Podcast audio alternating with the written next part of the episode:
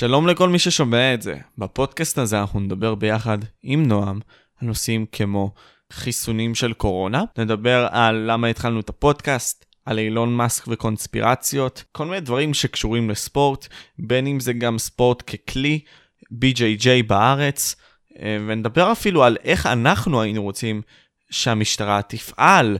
אז זהו, זה בעיקרון חברים. תודה רבה שאתם צופים, ובואו נתחיל.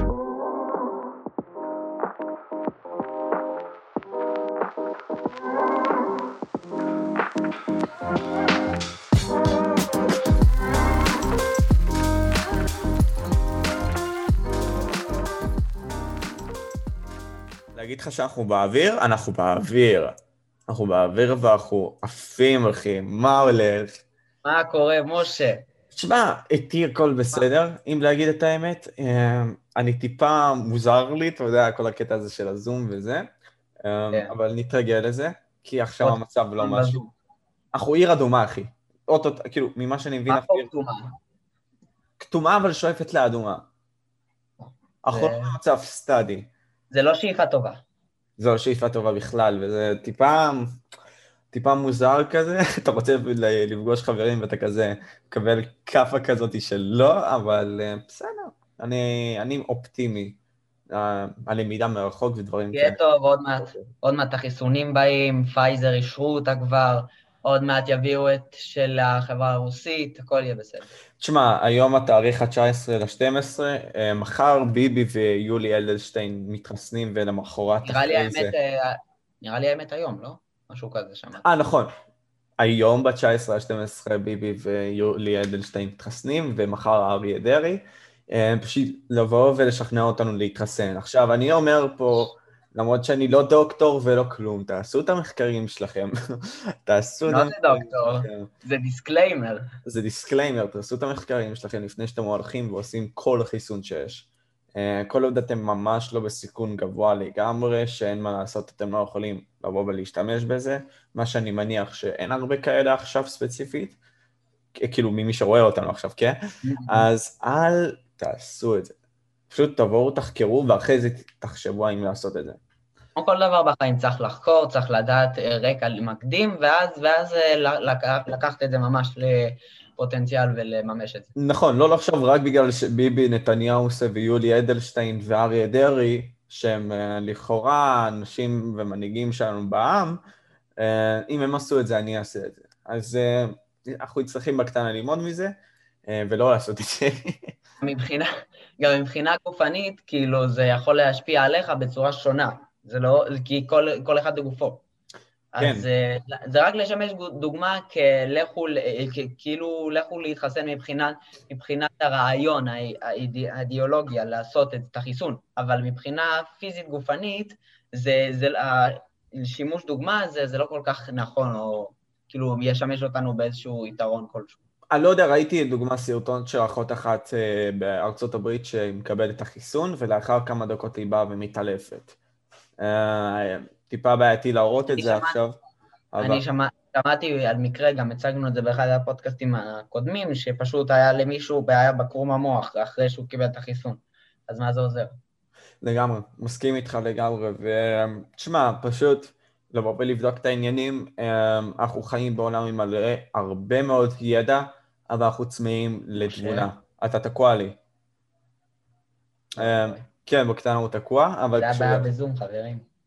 זה הבעיה בזום, אבל הוא נתקע כמו תמונה מצחיקה. לא משנה, אה, אני אמשיך. לבינתיים... אתה נתקעת לי ממש עכשיו. אני מניח שכן. זה הבעיה בזום, זה הבעיה בזום. זה הבעיה בזום, אבל אני אגיד לך מה. אולי זה האינטרנט שלי נראה לי האמת פה, אבל בסדר. אז דיברנו על זה שאנחנו נמצאים בעולם עם הרבה מאוד ידע ואנחנו צמאים לתבונה. עכשיו, okay. אוקיי. כשאנחנו בקטע הזה, אנחנו צריכים לבוא ולעשות מחקר מעמיק על הכל. לא רק בעברית, כי בעברית, נגיד סתם בגוגל, אין הרבה מידע על הכל. אמ, באנגלית אתם יכולים, או בכל שפה אחרת שאתם יודעים, פשוט לעשות את המחקר המעמיק שלכם בשביל למצוא מידע. אמ, זה יכול להתבסס וואי, על כל... וואי, וואי, וואי. זה יכול להתבסס על כל הקטע הזה של um, פשוט לחקור ולצאת מהקופסה לגבי תיאוריות מסוימות, וזה גם יכול להיכנס חיים האישיים שלכם, ודברים כאלה, לאוכל וכאלה. פעם נתקעת לי, לא שמעתי מילה. אתה מבין? בסדר, הכל טוב, אנחנו נמשיך. אוקיי, אוקיי. אמ, בואו ניכנס לכמה אה, שאלות ששאלו אותנו. אמ, כן, אין בעיה, ואחרי זה אני אתעמק על נושא מסוים, שאם אנחנו מדברים על זום, אנחנו נדבר על זום בקטנה. תשמע, יאללה. אז סבבה, תוציא את השאלות לבינתיים. הנה, יש לי כבר את זה פה. אה, להגיד כאילו מי שאל גם לא נראה לי, פשוט... אה, פשוט תזרים את השאלות. שאלה, מה אתם חושבים על רמת פיתוח הגוף בארץ לגבי שיפור, תקציבים, רמה ובכללי? אז אני אתחיל כי אני... אתה יותר בקיא בזה ממני. אה, יכול להיות, כן. אז אה, בקיצור, לפי מה שאני רואה, הרמה עולה, עולה ולאט לאט משתפרת משנה לשנה. מי שבא לתחרויות הוא יותר, יותר מחוטא ויותר קשיח ויותר משקיע. אני, אבל עם זאת, עדיין רואים בחורים שלא לא מתגלחים לפני זה, מגיעים שעירים, עם, עם שערות בכל מיני אזורים, ו, וכאילו זה, זה, זה קצת מבאס לראות דבר כזה באמצע, באמצע הבמה, אבל בסדר, הרמה ב, ב, בעיקרון עולה, יותר משקיעים לזה אה, במה, נותנים לזה יותר במה מבחינת תקציב, ומבחינת livestream, אה, לפעמים עושים וזה, ביוטיוב ללא, ללא תשלום, כן. אה, ומה אה, הייתי כן רוצה אולי להעיר עוד משהו, שיש יותר מדי, יש איזה, שאני חושב על זה, זה משהו כמו שש איגודים, שזה לא נורמלי, כאילו, WNBF, NAC, IPC, NABA, ו-IBFF ו-IFBB ומורדי בודי קלאסי. אה, זה שבע. וואו. אני יודע, כן, זה רק בישראל, ואני חושב וואו, שיש וואו. עוד. ואני חושב שיש עוד.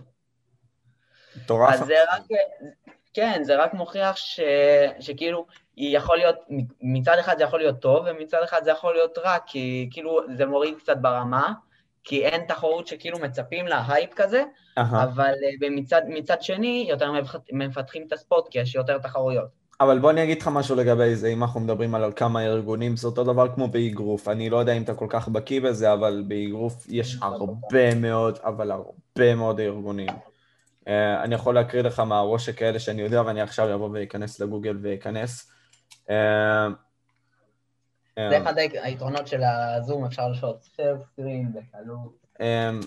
כן, ברמת העיקרון. שנייה, אבל אתה רוצה אני אעשה לך share screen שתראה מה אני עושה, אז דקה. אז ככה, יש בעיקרון ארבע או חמישה, רגע דקה, שישה, לא, ארבע, ארבע גדולים ועוד כמה קטנים, יש את ה-IBF, יש את ה-WBA, WBO, WBC, WBC הוא נחשב הכי. אבל זה עולמי. כן, כן, כן, זה עולמי, זה בעצם... הארגונים, הארגונים שאני מדבר עליהם, נגיד ארגון IPC, no. זה, זה, זה, זה, זה נראה לי ארגון רק של הארץ, לפי מה שאני יודע.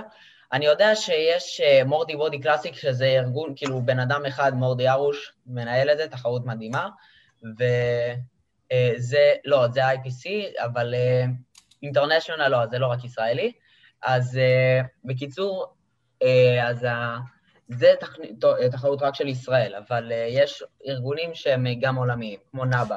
לא, אבל, אבל מה שרציתי להגיד זה שאם אתה דיברת על כל הקטע הזה, שאתה לא יודע בעצם... כן, כן, אתה לא יודע בעצם אם זה כל כך מעצים או מקטין. דוגמה באגרוף, אם אנחנו נדבר, זה מקטין, כי בעצם לוקח הרבה מאוד זמן עד שהכי טובים של הכי טובים נפגשים אחד עם השני. בדוגמה, יש את האלוף טרנס קרופורד ויש את... Uh, אה, דקה אני אגיד לך אה, מי נמצא בקטגוריה שלו. שנייה, רק רגע. אפרופו הטובים מהטובים, לפני, אה, לפני איזה שעה ומשהו הסתיים ה pre-judging של האולימפיה של men's physique ו classic physique, ואתמול היה pre-judging של ה open ושל ה-212, והיה גם הכרזה של ה-212, מאוד מעניין. Mm, אוקיי, שנייה. היה רמה ממש טובה. היה ממש טובה, זה האולימפיה, זה הכי טובים בעולם. ממש טוב. אז הנה, אז, אז הנה, הגענו. ארול ספנס בדוגמה. עד שכל האלופים הכי טובים נפגשים אחד עם השני, לוקח כל כך הרבה זמן. אבל כל כך הרבה זמן, עד שהם פשוט באים ומתאספים.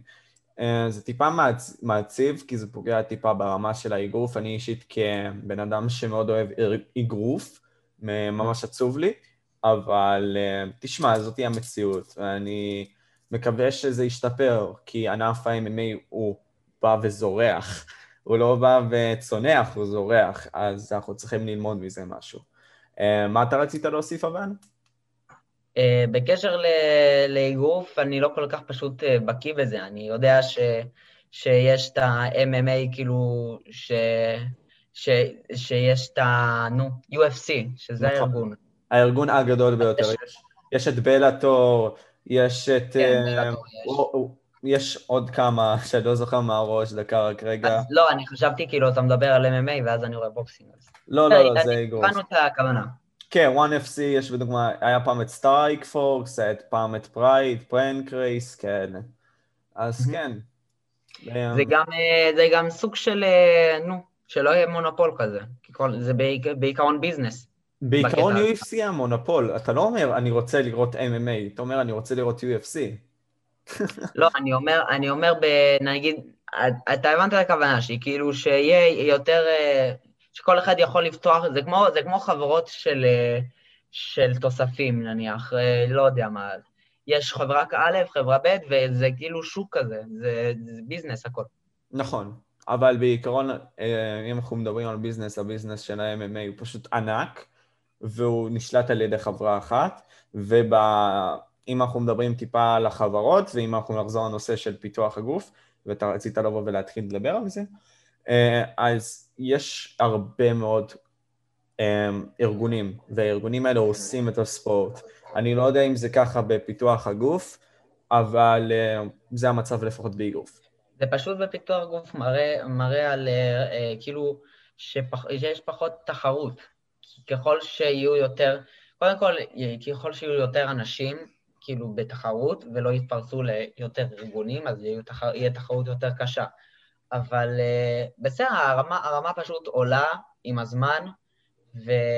והשאלה הזאת אומרת ש... שיותר ויותר אנשים מתחילים להיות מודעים לעניין הזה. הבנתי אותך. ששאלו. הבנתי אותך. אתה רצית אולי להרחיב על האולימפיה, או שאתה הולך uh, טיפה להוסיף תגובות? על האולימפיה, uh, תראה, לפי מה שאני ראיתי זה pre-judging, יש, אולי אני אסביר קצת. מה זה pre-judging? אוקיי, אז pre-judging זה בדרך, בדרך כלל לתחרויות במיוחד כמו אולימפיה, יש שלב שנקרא pre-judging, כאילו אה, הסתכלות מוקדמת של השופטים על המתחרים. הסתכלות ראשונית. כן, בדיוק, והם מסתכלים ובוחנים, כל אחד בנפרד, ואנשים בצורה רנדומלית דבר ראשון, אחרי זה כל אחד בנפרד, 30 שניות משהו כזה, כל קטגוריה תלוי את הפוזות שלה וכולי וכולי, ואז מוציאים אותם לקריאות, קריאות ראשונות, שניות, שלישיות, ואז הם מחליטים כאילו מי הטופ שלוש, שתיים, חמש, משהו כזה, ואז יש בעצם, או בלילה או יום אחרי זה, יש את ה-finals, הגמר.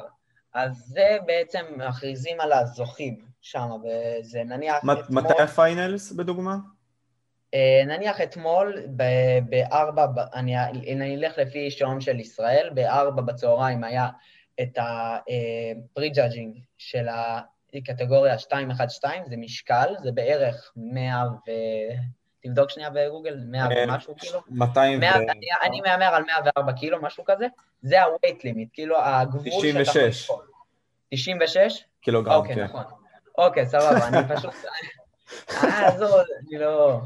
בקיצור, בקיצור זה ה-weight limit, פשוט הולכים, זה היחידות מידה שהולכים עליהן בארצות הברית, זה ככה נקרא, אה, וזה הגבול שאתה יכול לשקול בקטגוריה הזאת, ושון קלרידה, ההפתעה של השנה, באמת הגיע חטוב, מלא, יבש, מטורף, ראיתי את זה, פשוט הוא, הוא יצא, הוא, הוא יצא, הבן אדם יצא, אני אמרתי, מה זה? פשוט, זה היה מטורף. אתה יכול אולי אפילו להראות תמונות.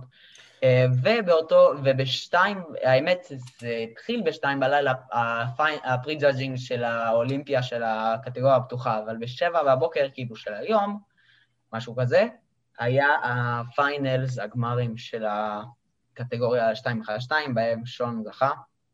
במקום ראשון. אני מראה תמונות של שון, אה, תוך כדי שאתה מדבר, והוא אה, נראה כן, פנומנלי. ממש גאה בו, ותחשוב שהוא בערך 40, אה, הוא, 100, הוא 183, לא, הוא 177 פאונד, זה כאילו פחות ממש מה-weight limit, כי אמרנו 212, 212 זה ה-weight limit, והוא שקל 177. 177.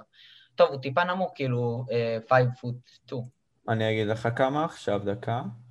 אה, אבל אה, ממש מזל טוב לו. 5 פוט 2, נכון. אני יודע, ב-177. אה, פשוט תמיר את זה אולי לצופים. הנה, 157 סנטימטר. הוא מידג'ט, מה שנקרא, הוא... לא, אבל הוא... זה היה מטורף מה שהוא הביא לבמה.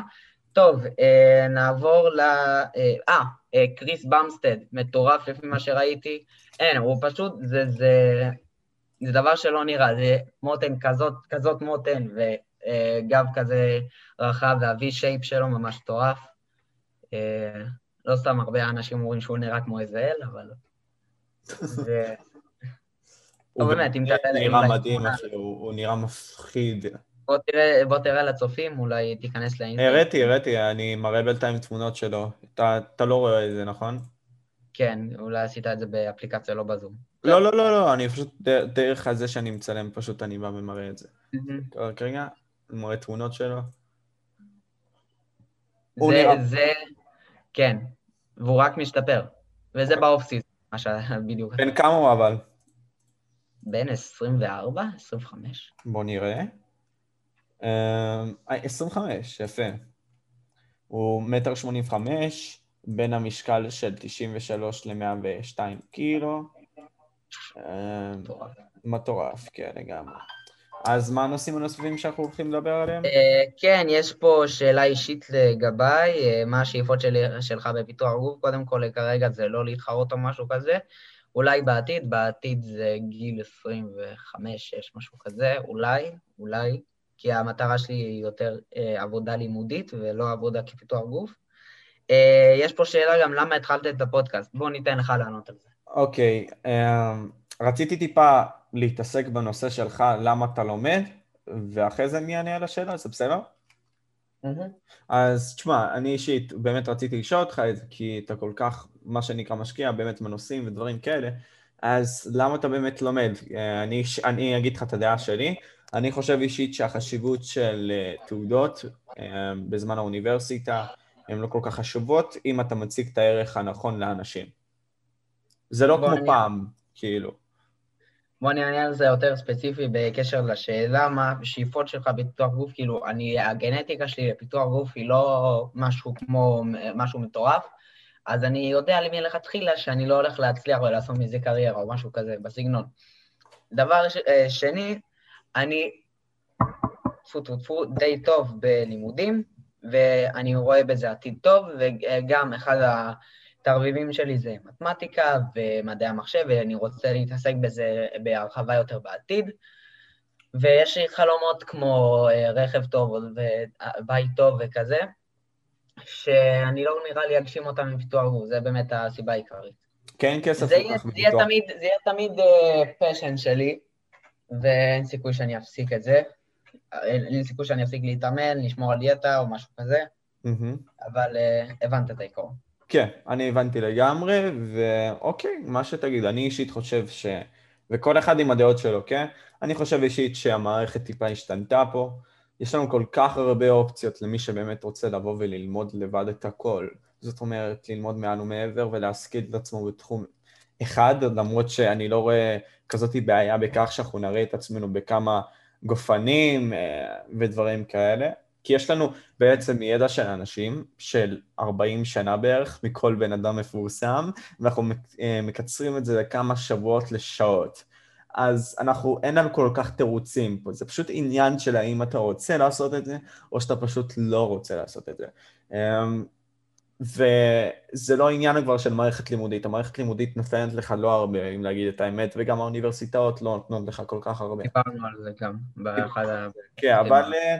אני חושב אישית שזו נקודה למחשבה, אני לא חושב שאתם צריכים לעשות כזאת, מה שנקרא, אה, ביצוע רדיקלי של מעשה מסוים כזה, פשוט לצאת מהמערכת החינוכית וזהו, מן הסתם שאני מניח שבני נוער צופים בזה, אז תחשבו על זה טוב, תדברו עם ההורים, דברים כאלה, במידה ובאמת צץ לכם המחשבה, אבל אני לא חושב שזה כל כך ריאלי.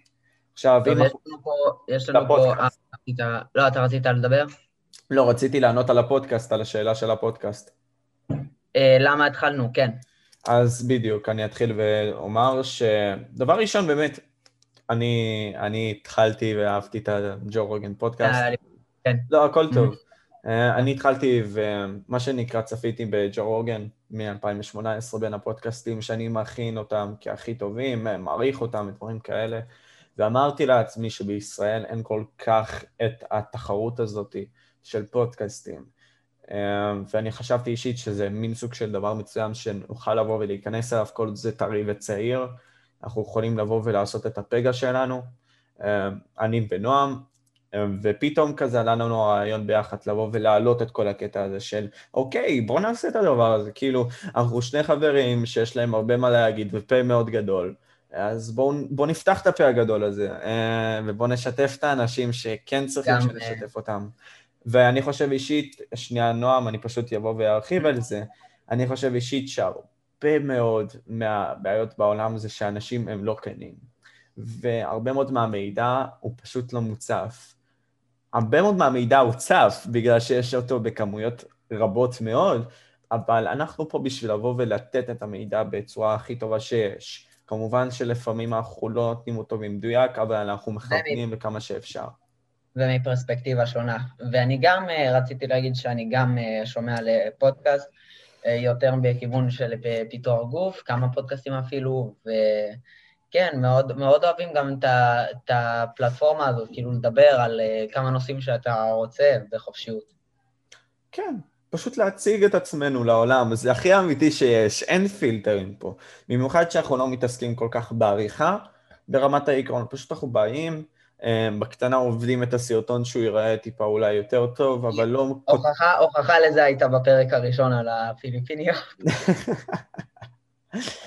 אבל...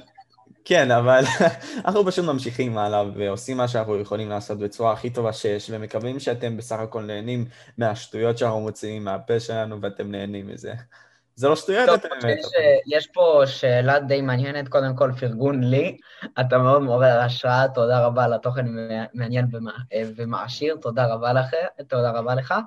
אה, ויש פה שאלה, האמת, שגם נוגעת למשהו שרציתי לדבר עליו היום. למה אילון מאסק מקבל כל כך קצת הערכה? בוא תתחיל אתה.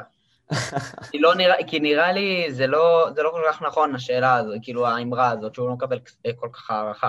תשמע, ברמת העיקרון, אמ, פעם זה לפחות היה נכון. כי הרבה מאוד אנשים באו והסתכלו על אילון מאסק והסתכלו עליו כבן אדם שהוא כישלון בעצם. אה, יש לו הרבה מאוד, אבל הרבה מאוד אה, מידע שהוא בא ומוציא ומוביל, ובאמת הרצון שלו זה באמת לשנות את העולם בצורה טובה וחיובית. זה לא, זה לא בכדי שהוא מצטרף להרבה מאוד ספקטרומים בשביל לשפר את כולם. בדוגמה SpaceX, שאני עכשיו מראה לכם את זה, דקה אני אעשה לך. אתה גם uh, שמעת פודקאסט איתו ועם ג'ו רוגן לפני איזה כמה, זה אולי החכמת ממנו עליו. כן, למזלי גם זה לא, זה לא רק זה, אני, אני אוהב מושבע של אילון מאסק, ודרך אגב, כשהייתי בן uh, 16, רציתי השקעה בטסלה, אבל ההורים שלי אמרו לי לא. ומי... הייתי בן 16, כאילו אתה עכשיו מבוגר. לא, לא, אבל להדגיש את המימד הזה, להדגיש את המימד של הבמה עצמה. הייתי בן 16. שנה שעברה רצה להשקיע בטסלה. ו... ואני סוג של ניבאתי שהיא הולכת להיות חברה ממש טובה, והיא הייתה באותו זמן, אם אני לא טועה, על 256 דולר, 300 דולר, משהו בסגנון, ואמרתי להורים שלי, בוא אני אשקיע. אבא שלי אמר לי לא. ומה קרה בעצם? החברה בסופו של דבר גדלה ל-2,000 דולר. עשת האלפים. עשת האלפים, אז אם הייתי משקיע, הייתי מרוויח בערך 5,000 שקל על פשוט קנייה קטנה, מה שנקרא, אבל אה, בסדר. בקטנה. כי אז באמת, תחומי ההתעסקות של אילון מאסק הם מאוד, אבל מאוד גדולים. אה, אני אתן את המידע המדויק כי אני רשמתי את זה אצלי. אמ, אבל הבן אדם עצמו הוא חכם מאוד. ומה הקטע? כשאנשים הם מאוד חכמים, רוצים לפעמים לסתום להם את הפה. למה? כי זה יותר קל. כי אנחנו אנשים שלא באמת מסתכלים מאוד קדימה, אנחנו מסתכלים על העכשיו, מצד אחד זה טוב, מצד שני זה רע. אה, אנחנו מחפשים ליהנות מהרגע, והרגע הזה הוא לפעמים הולך ונעלם. אז יש הרבה מאוד תחומים שאנחנו מפספסים בחיי היום-יום שלנו. אז יש קודם כל את The Boring Company, שזה בעצם הרבה מאוד תוצאות של הרבה מאוד תחומים משונים. הוא הוציא להביור, הוא הוציא הרבה מאוד דברים, וזה משהו שאילון מאסק בא ושחרר. אמ, אילון מאסק גם... בקטנה נעשה, נעשה הכנסות מהצד. בקטנה נעשה הכנסות מהצד, בדיוק. אז טסלה, SpaceX, The Boring Company, OpenAI ו-Neuralink. Neuralink זה יותר כל הקטע הזה של שבבים במוח. אה, אילון מאסק מתכנן על כל הקטע הזה שרובוטים בעצם בסופו של דבר יבואו וכן ישלטו עלינו. באמת, עם כל הסרטונים שאנחנו רואים זה... אתה יודע, זה בדיוק מתקשר למה שאני רציתי להגיד. אני שמעתי, ב... גם העליתי את זה לאינסטגרם בסטורית, על תוכנית אה, בערוץ ההיסטוריה, זה כאילו נשמע, זה נשמע אה, כאילו אני איזה חנון או משהו, אבל זה היה ממש, זה היה ממש מעניין, על, על כאילו, על למה למה אנחנו לא נפגשים עם חייזרים, אה, אולי באנו ממאדים, ואנחנו בעצם אבולוציה של רובוטים, והחייזרים אבולוציה של רובוטים, ואנחנו אבולוציה של חייזרים וכדומה, המון תיאוריות כאלה, ואחת האזכורים שהיו שם, שאילון מאסק ב-2018 נפגש עם מיליארדרים ועם אנשים מהדרג הגבוה בארצות הברית, ובקשר לספייס איקס, הוא אה, אה, ניהל איתם שיחה או משהו כזה לגבי אה, חייזרים או רובוטים, משהו כזה, אז אה, זה בדיוק התקשר למה שרציתי להציף את התיאוריות האלה, מה אתה חושב עליהן. אז בוא אני אגיד לך קודם כל, דבר ראשון, בהרבה מאוד מההצגות שאני רואה שאילון מאסק עושה, הוא הרבה מאוד מהפעמים מהסס. מהסס בדברים שלו, בעצם כן. בולע את המילה. אם אתם רוצים לבוא ותראו כמה רעיונות של אילון מאסק, הוא פשוט שוקל מילים לפני שהוא מוציא אותם. ככה אני אישית מרגיש שלפחות יש לו הרבה מאוד שהוא רוצה להגיד, אבל הוא לא יכול להגיד. בין אם זה שאין, אני לא יודע, עוד פעם, אל תתפסו אותי במילה, אבל... הוא שומר על דיסקרטיות. בדיוק, הוא שומר על דיסקרטיות. יש מצב שאין באמת מה שנקרא גלקסיות וסתם ממציאים את זה, אני סתם אומר, זה תיאוריות. אה, אבל הבן אדם מאה אחוז מסתיר משהו עם כמה הכוונות הטובות שלו. וניורלינק בדוגמה, אם באתי ואני אמשיך את מה שרציתי להגיד, ניורלינק זה פשוט שבב במוח שפשוט בא ויתאם במספר מילי שניות, אפילו לא שניות, מילי שניות, כמו שיש לנו ריאקציה, ריאקציה מסוימת על אותו עיקרון, וככה המוח שלנו יעבוד. אז הוא יקבל פקודות, ואנחנו נהיה בקשר טוב מאוד עם הרובוטים. זה כאילו שיהיה לנו שפה אחידה. במקרה של oh fuck, העולם הולך להשתלט על ידי רובוטים. אמ, ויש עוד הרבה מאוד נושאים והרבה מאוד תחומים שאילון מאסק משתמש בהם. בכללי, אני רק מחכה שאני אהיה בן 20 ומשהו, ואני אקנה את הטסלה שלו כשהיא תגיע לישראל, בצורה מסיבית, למרות שממה שאני הבנתי, אין כל כך את טסלות בישראל, אם בכלל. זה, זה, טסלה זה, זה הרכב החש... האוטונומי, כאילו, זה החשמלי. נכון, נכון, אה, דקה, כרגע אני פשוט אבוא... זה הרכב שאתה רוצה לקנות. כן, תשמע, קודם כל, טסלה היא... תראה לי את הרכב. אה, דקה, רק רגע. טיפה בעייתי, אבל שנייה, רק רגע, אני אראה לך. אני אחפש מה זה טיפה בעייתי, חכה. זה תוך שנייה, יש את הרב גוגל. יש את הרב גוגל, דקה, רק רגע, אנחנו נראה את זה פה. אה, אז ככה. אין באמת טסלה בישראל, סבבה. טסלה, ממה ש... רגע, בוא נראה. כלכליסט בא ומראה כל מיני דברים פה. שמע, אז יש דגמים יפים. יש דגמים מאוד יפים, יש את המודל X, יש את uh, מודל S. טסלה 3 נראה טוב. טסלה 3. יואו, טסלה Roadster נראה סבבה לגמרי. דקה, דקה, בוא, בוא פרה פרה, בסדר. קודם כל, פרה, יש פרה. טסלות בארץ, אבל פשוט לא במינון גבוה, אוקיי, אנחנו מבינים את זה. Uh, טסלה 3 נראית ממש רכב... תחפש, לא תחפש טסלה רודסטר. טסלה רודסטר. אוקיי, נו. מה, מה יש פה מיוחד? אמ, מה יש פה מיוחד, אלק? היא נראית מגניב, היא נראית ספורט ממש מגניב. הלבנה במיוחד. האדומה לא כל כך אהבתי, אבל היא מדהימה. אפורה נראית, נראית מדהים. אני אה, רוצה, תחפש בגוגל אאודי R8. אוי, תעשה לי טובה. הם, דומ... הם לא דומות. תעשה לי טובה, תסתכל על האפור. תסתכל על האפור, למעלה, למעלה, צד שמאל למעלה. תסתכל על האפור. תשמע, זה, זה לא רכב זול. מיליון שקל. אבל, אבל הטסלה הרבה יותר זולה מאאודי, בדוגמה, וזה למה היא כל כך, כל כך דומיננטית. עכשיו בוא נסתכל על השוק של טסלה. אה, טסלה ביחס לכל שאר החברות. רגע, דקה. יש תיאוריה שאם אני חוזר לתיאוריות, בזמן שאתה מחפש את זה, שכאילו אה, אנחנו באנו ממאדים. למה? כי כשה, כשאתה אסטרונאוט הולך לחלל, אז המחזור אה, שינה שלו עובר ל-24.9 שעות, במקום 24 שעות של דור הארץ. אתם יודעים מה עוד מחזור אה, סיבוב ציר של מאדים? 24.9. לכן כאילו אומרים שאנחנו מסתגלים לאט לאט למאדים, אה, ככל שאנחנו מתקרבים לכוכב הזה. אז, אז קודם, אוקיי, הבנתי אותך. אז קודם כל, ממה שאנחנו רואים בעצם, טסלה או פורבס. היה, היה, אני רציתי לפרוק את זה, כי זה מאוד מעניין. אהה, דקה, כרגע אני פשוט אבוא ו... פורבס בעיקרון אומרת שהטסלה עצמה, בשווי שלה, שווה 208 מיליארד דולר, ובעצם עקבה, עקפה את uh, טיוטה, שהיא בעצם החברה השנייה הכי גדולה עכשיו, וטסלה עושה את שלה. בזמן שחברות כמו ניקולה, בדוגמה, היו לגמרי שקרניות, אם אתה שמעת על ניקולה. שמעת? אני שמעתי על ניקולאי טסלה. לא, אנחנו לא מדברים על ניקולה הזה. יכול להיות שהשם של, מן הסתם, אני די בטוח שהשם עצמו של החברה הגיע מזה, אבל החברה עצמה היא שוקעת, צונחת, מתה. אה, כי היא רימתה הרבה מאוד אנשים, מהרבה מאוד דברים. אה, ברמת העיקרון זה המכוניות שהם רצו להוציא לשוק, אבל... כן. אוי ואבוי, לא, לא, לא, לא, תלך ל...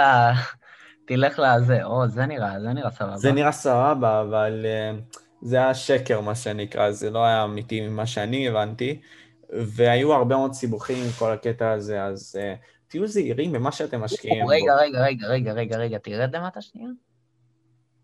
לאן למטה? או, הזאתי, צד שמאל. צד שמאל. למטה. למטה. אה, וואו, אוקיי. זה... זה הרכב שבעיקרון טסלה באה והראתה באחד מהשיווקי ה... השיווקים משלה. דמיין, דמיין אותך נוהג ברכב הזה. תשמע, לא יודע, אני... אני באמת שכבר לא יודע. לא יודע, זה, זה ממש מוגזם. זה יותר מדי מוגזם, ואני לא יודע לאיזה עולם אנחנו נכנסים אליו, אבל uh, מותר לי לפחד. מותר לי לפחד. אנחנו כי... נכנסים ל- לעולם ש... אה, אם אתם מכירים את, אה, ברח לי השם המדויק, אולטרון, עידן אולטרון. אתה מכיר, אתה מכיר את הסרט הזה? לא. הנוקמים עידן אולטרון. אני אספר בקיצור, בקצרה על העלילה. אה, טוני סטארק הוציא, הוציא תוכנת מחשב, שחלק מהתוכנת מחשב היא טובה בעדו, וחלק מתוכנת המחשב איכשהו השתלטה על עוד תוכנה. והיא אה, באה, ו... ויצרה לעצמה אה, סוג של אוטונומיה משלה. אז היא כאילו באה. והשתלטה על גוף טכנולוגי רובוט מסוים, וזה נקרא אולטרון, תוכנה נקראת אולטרון, הנה, אתה יכול לראות צד ימין למעלה, צד ימין למעלה. צד ימין למעלה, זה? אוקיי. זה אולטרון, זה אולטרון.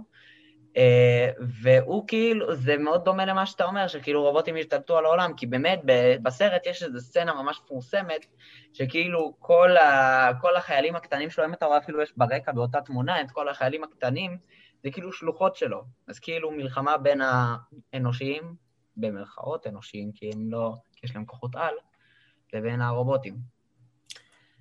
אוקיי. Okay. אה, שאני כל פעם אומר שינבא את העתיד באיזשהו מצב. Mm,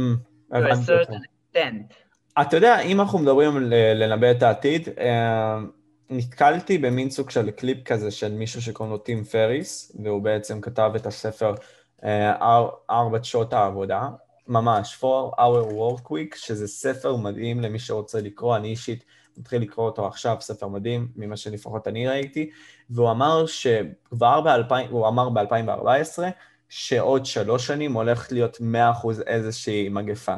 עכשיו, הוא לא היה מדויק, אבל הוא גם צדק באיזשהו שלב, שבזמן הקרוב כן תהיה מגפה. כאילו... אתה יודע, אתה יודע מה, יש איזו סדרת טלוויזיה שעשתה בדיוק את אותו דבר, נראה לי זה הסימפסונס.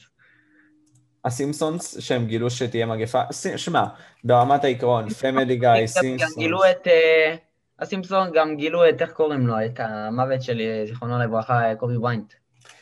Simpsons, קובי בריינט death. עכשיו, אני לא בטוח שאנחנו יכולים להראות את זה, אבל... פשוט את הזה, מה לא יכולים להראות? לא, אנחנו לא יכולים להראות את הקטע עצמו. דקה רק רגע. הליקופטר. כן, אז הסימפסונס כן מראים את מה שאתה אומר בעצם, התרסקות, אתם יכולים... אני ראיתי את זה, בגלל זה אני אומר. הסימפסונס כן. אתה בטוח? אתה רואה שזה סימפסונס? כן, אבל זה יכול להיות גם... רגע, עם כמה שאני אוהב את הסדרות האלה, יש אולי בלבול... לא, הסימפסונס, אוקיי. אז כן, הסימפסונס באמת גילו את זה, שבאמת... פמיניגה עשו דברים גם, אה, גם לא מהעולם הזה, הם גם עשו איזה חזיונות של... אני לא זוכר בדיוק מה, אבל אני ראיתי סרטון על זה. רגע, יש on Legends of Chamberlain. רגע, דקה. לא, זה, זה גם, יכול להיות שזה היה באמת פמילי uh, גיא, uh, לא, סימפסונס, אבל... לא יש... משנה, סדרת אנימציה uh, באה וחוזה את העתיד. כן, Legends of Chamberlain Nights. זה יכול להיות מקרי, זה יכול להיות מקרי, אבל זה לא, זה לא רק באותו אחד. זה לא במקרה הזה גם, יש עוד, יש סרטון אולי של איזה חמש, עשר דקות ביוטיוב שמראה אה, על סדרות אנימציה ש, אה, שבאות ומלוות את העתיד. אני מבין מה אתה אומר. אה, בכל מקרה, יש עוד שאלות? אה, מהזה שלנו, לא. אז אוקיי, יש לך מין סוג של משהו שבוא נתחיל? אה, האמת, אני ארגנתי, אני ארגנתי פה איזו רשימה של נושאים שהייתי בה, הייתי...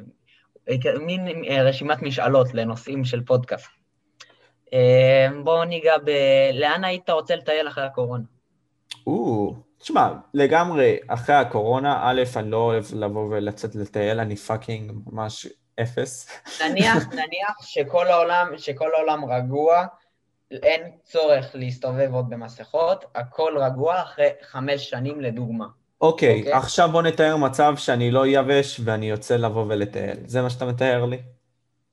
לא, אני, כאילו... אני לא אוהב לצאת. אין, סכנה, אין סכנה בזה, אין סכנה. העולם משתנה מקצה לקצה, אממה, אין סכנה בזה שאתה יוצא. לא, לא הבנת אותי. אני אישית לא אוהב לבוא ולצאת לטוס לאנשהו, אז זה, זה למה אני אמרתי את הדברים, אבל בוא ניקח דוגמה שאני לא... אפשר גם לנסוע בארץ, יעני. או גם לא, אני פשוט אוהב להישאר. לא, לא, אני פשוט אוהב להישאר. אתה רוצה להישאר באשקלון? ברמת העיקרון יש לי הרבה מה לעשות, אז כן.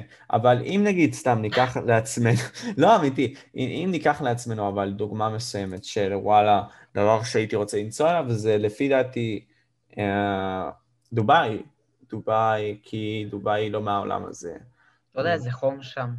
חום מוות, אבל בחורף אני... בוא נבדוק דקה כמה מעלות יש עכשיו. אני, אני לא, יש לך גנים טובים, אני הייתי נשרף שם. יש לי גנים טובים. הרגת אותי. אה, יש להם 23 מעלות עכשיו בערב. מזל טוב, זה בערב. לא, לא, גם בהמשך היום, בחורף יש להם 25, 24, 23. חורף, אוקיי, סבבה, הבנתי, בסדר. אז זה כמו בישראל. אה, וגם ביום הכי חם, אה, כאילו ביום חם שלהם עם שמש יש 25. אני הייתי, אני הייתי רוצה לאמריקה, קנדה, ארצות הברית.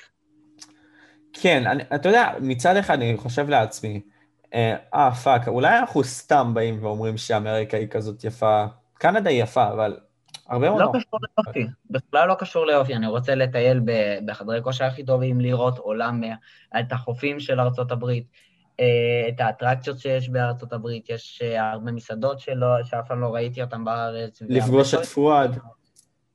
כן, אה, לפגוש הרבה אנשים שאני מעריץ מהפיתוח גוף, למה לא? הבנתי אותך, ואם אנחנו נתעכב על אמריקה טיפה, אתה יודע מה שער הדולר עכשיו? רגע, רגע, תראה, תראה, תראה את מי שאתה דיברת עליו, שלא יחשבו שאני איזה... אה, פואד, פואד אה, פודקאסט בעצם, פואד אביעד, הוא בעצם, אה, בעצם מפתח גוף שמדבר על הרבה מאוד נושאים, שאוט אאוט מה שנקרא. כן, פודקאסט שאני שומע לו. כן, אז הנה ציינתי את זה, אבל עוד פעם, אתה יודע מה שער הדולר עכשיו? כאילו, בלי שאני אראה לך? זה די נמוך. די נמוך. אתה יודע שהוא 3.24 שקל? והדולר הקנדי? שנייה אחת, בוא נראה, סתם נמוך. אוקיי, דקה רק רגע. נראה לי הוא יותר, לא משהו כזה. לא, הדולר הקנדי כמעט תמיד היה יותר נמוך. אה, פחות. יותר נמוך מהדולר הרגיל, אז תשמע, ברמת העיקרון... היה, היה מטבע ששמעתי עליו שהוא איזה 7 שקל. נראה לי זה יורו. מטבע אחד ש... או, כאילו... לא, יורו, אירו, או משהו כזה. לא, פאונד. או... פאונד? פאונד פעם היה 6 נקודה משהו בשקל, כאילו כל 6 וחצי או... שקל זה הפאונד. או שזה היה ריאד, או אין לי מושג. לא, אבל אני אומר לך, פאונד פעם היה 6 ומשהו, אני, אני, אני אראה את זה דקה. זה המטבע בבריטניה, נכון? כן, בדיוק, אני עכשיו אראה את זה. אוקיי, קודם כל, אוקיי. הוא היה שמונה פעם, שבע, כאילו בימי, ה... לפני הקריסה הכלכלית הגדולה, הוא היה שמונה. ועכשיו הוא, הוא נע בשש, חמש, עכשיו הוא ארבע נקודה שלושים ושמונה. שזה סבבה לגמרי, אבל מה רציתי להתעסק? רציתי להתעסק שהכלכלה העולמית, וגם הכלכלה בארצות הברית, במיוחד בארצות הברית, יורדת לשפל. כמו בשפל הכלכלי ב-2008, זה מה שיש לה עכשיו. מן הסתם, מהקורונה. וזה, אוקיי, מן הסתם, אבל אתה מבין שאנחנו הולכים לראות עוד מעט עוד יותר שפל uh, מצד הנהגת ביידן, לא בגלל שביידן לא יודע להנהיג, זה בעניין של ביידן רוצה לייעל את שיטת העבודה הזאת של עבודה ירוקה ודברים כאלה, וכמה שיותר uh, טורבינות uh, חשמל, טורבינות רוח הכוונה, שמייצרות חשמל, ופשוט כן. כל מה שקשור לסביבה ירוקה יותר. עכשיו, כשאתה עושה מעבר כזה, אתה מפסיד עוד יותר כסף. אז אם ביידן באמת רוצה לבוא ולעשות את התוכניות האלה, הוא פשוט לא יוכל. איך ש... כאילו, לא משנה מה. אז uh, טיפה התוכנית שלו הלכה כפות לדעתי. פשוט רציתי לציין את זה פה. Uh, אבל אנחנו נקווה שהכלכלה של ארה"ב לא תלך ותתדרדר, כי... הבחירות הסתיימו בכלל? כן, בדיוק. אז ביידן לפני כמה ימים אה, בא ו... אני שמעתי על זה, אני שמעתי על זה, אבל אולי אני לא ניסחתי את השאלה שלי טוב. ההליכים שטראמפ פתח נגד הזיוף קולות נגמרו, כאילו... כן, זה, זה, אני אסביר לך. הרשת החברתית בעצם העלתה את ביידן לכך שהוא באמת המנצח. אני ראיתי, ראיתי. אתה ראית את זה. עכשיו, זה לא היה נכון על פני השטח, לא היה באמת החלטה משפטית בעצם על כך שבאמת זה נכון. אמ, אני לא יודע איך זה אצלם עובד בנקודה הזאת, בנקודה הקטנה, אבל ככה זה בערך, וביידן הוא פשוט בא ונכנס למין סוג של מלחמה. אה, הרבה מאוד חשפו אותו ואת הבן שלו על הרבה מאוד קשרים ודברים כאלה, אבל זה לא צלח לטראמפ, למרות שיש הרבה מאוד הוכחות שטראמפ אכן צודק. אין מה עוד לעשות, כבר הבחירה נעשתה, אה, ביידן נבחר, וכן, אני, אני מאחל לארה"ב בתור אה, בן אדם שכן מעריך אותה, לכך שהם יסתדרו, למרות שמאוד קשה. לא נראה לי שהם צריכים את הקול שלי בשביל זה, אבל אה, כן, שיסתדרו. אוקיי, יש, יש לך משהו להוסיף? אה, בנושא אני לא כל כך, האמת, אה, בקיא בפוליטיקה או בהתנהלות של ארה"ב במצב הזה או בבחינה הזו. אז... אז בוא ניתן עוד נקודה למחשבה סתם לאנשים, וזה לא עניין של זלזול לביידן, אבל כמות המצביעים של ביידן הייתה גדולה יותר משל אובמה והילרי קלינטון. עכשיו, אני משאיר את הנקודה הזאת פה, ותעשו איתה מה שאתם חושבים לנכון לעשות איתה. אז אתה אומר? זאת אומרת שאדון אה, ג'ורג'... אה, אוקיי, הבנתי אותך, הבנתי אותך. אוקיי, הבנת את זה. אני לא רמזתי כלום, כאילו בעצם כן רמזתי, אבל uh, משהו פה טיפה לא הגיוני. אז נמשיך לנושא הבא. Uh, מה, מה רצית להוסיף? רצית להרחיב? רצית לדבר? לא, האמת, יש לי עוד נושא שיכולנו לגעת בו. האם, האם חשוב שמאמן בספורט מסוים, תחום ספורט, פיתוח גוף, חיים, מאמן uh, פיננסי, אין לי מושג. אוקיי. Okay. צריך לעבוד דוגמה, וכשאני אומר דוגמה, אני, אני בוא אני אשליך את זה על התחום של פיתוח גוף. Mm-hmm. אני רואה די הרבה מאמנים שהם טובים, יכול להיות, יכול להיות לא, אני לא, אני לא אומר שמות ולא מתייחס למישהו ספציפי, שכאילו מאמן ספורט, אתה מצפה שהוא יהיה חטוב אולי, שהוא יהיה כאילו בשייפ טוב, כן? מאמנים שהם אה, לא בשייפ טוב, out of shape, כאילו לא... לא, לא נראים. טוב, לא כשירים אה, לא, מבחינת לא, הספורט. לא שלא נראים טוב, אני לא שופט אף, אף אחד, אבל uh, לא כל כך בכושר. אז מה אתה חושב על זה? מאמן יכול להיות, יכול להיות כאילו, יצטרך להוות דוגמה בעניין הזה, כי לדעתי מאמן, ש... מאמן במיוחד של כושר, שהוא לא, שהוא לא בכושר, איך הוא יכול להיות מאמן? מבחינה, מבחינתי לפחות. אוקיי, okay, אז בואו בוא נחלק את הנושא לכמה נקודות, ואחרי זה תשלים את מה שאתה רוצה להגיד, כאילו בדעה שלך. אה, אם אנחנו נתייחס קודם כל אה, באמת אה, מאמנים, אני חושב אישית שזה טיפה מפגר כשיש לך את כל הידע שלך, לבוא ולא ליישם אותו לחלקה שלך הפנימית, אבל אנחנו יכולים להגיד את אותו דבר לגבי רופאים שמעשנים. עכשיו, אתה אומר לעצמך... דיאטניות קליניות שהן לא נראות כמו בדיאטה, כאילו. אוקיי, נכון, או מייעצי כסף שהם בעצם עניים, כאילו, אותו ספקטרום. אה, אני חושב אישית שיש הרבה מאוד מה שנקרא אה, אנשים שהם שקריים בקטנה, ויש גם אנשים שהם פשוט אה, נהנים בחלקה שלהם, יודעים שבמצב שהם נמצאים זה מספיק בשבילם, אבל יכולים להקנות את הידע שלהם לאנשים אחרים. אבל אני די בטוח שאם בדוגמה הם היו, כמו שאתה ציינת, מודלי לחיקוי בפן האישי, הפנימי שלהם, בתחום שלהם, כמו דוגמה מורה ספורט בדוגמה, בואו ניקח את זה לתחום שלנו הבית ספרית, מורה ספורט, אז אנשים הרבה יותר היו הולכים לזה והיו, מה שנקרא, נקשרים לזה, נכון? כאילו, לא נראה לי שאני טועה בזה. מורה, מורה לספורט צריך להיות בכושר. אוקיי, מורה לספורט צריך להיות בכושר. אמ, אבל בוא, בוא ניכנס לחלקה הזאת. אתה חושב שכל, נגיד סתם ציינו עכשיו גם אה, דיאטנית קלינית ודברים כאלה, אתה חושב שזה בסדר מבחינתם לעשות את זה? כאילו... אה, יש אה, בסדר מבחינתם יכול... תראה, אה, בתחום הזה אני אומר כאילו בכללי לא נראה לי זה הגיוני שיהיה, שיהיה לי מאמן בתחום כלשהו והוא לא יהווה לי את הדוגמה שאני צריך או את ההשראה שאני צריך, אבל יכול להיות יש להם בעיה כלשהי מהותית שמונעת מהם לעשות את זה, כמו, לא יודע מה, הם חס וחלילה חולים במשהו אז הם לא יכולים לעשות ספורט, משהו בסגנון. אממה, הם יכולים להקנות את הידע שהם צריכים, להקנות. אז אני חושב אישית ש... כאילו, בקטע הזה, אה, אנחנו בתור בני אדם, אה, אם יש לנו ידע מסוים, אנחנו צריכים לבוא ולהעשיר אנשים, ואתה יודע, אם נגיד סתם עכשיו יסתכלו עליי ואני אראה כטיפש מסוים, למרות שלכאורה אני לא, שזה לא יפגע במי שאני, כי אני נותן את המידע הנכון. אז אני חושב שהטענה הזאת היא, היא טיפה, איך אני אסביר לך את זה? לא תקינה, ולכל אחד וההחלטה שלו לבוא ולבחור האם באמת להתעסק בזה או לא, אבל בכל מקרה, כן היה יותר טוב. אתה יודע, יש עוד נושא שרציתי לדבר עליו, אם אנחנו מדברים בהכרח על ספורט. רגע, אני אחזור, אני אחזור, אני אחזור, נחזור לנושא שאתה רצית לדבר. אני אתן לך עוד דוגמה. אוקיי. אה, אה, בן אדם בצבא שאומר לך איך לראות, והוא מפספס כל כוונה, כל כוונת. אבל פה אתה טועה, כי הבן אדם יודע לראות והוא מפספס כל כוונת, זה לא בהכרח נכון. סתם דוגמה, סתם דוגמה. אבל זה לא נכון, נועם. היפותטית נניח. אבל זה לא בהכרח נכון, נועם.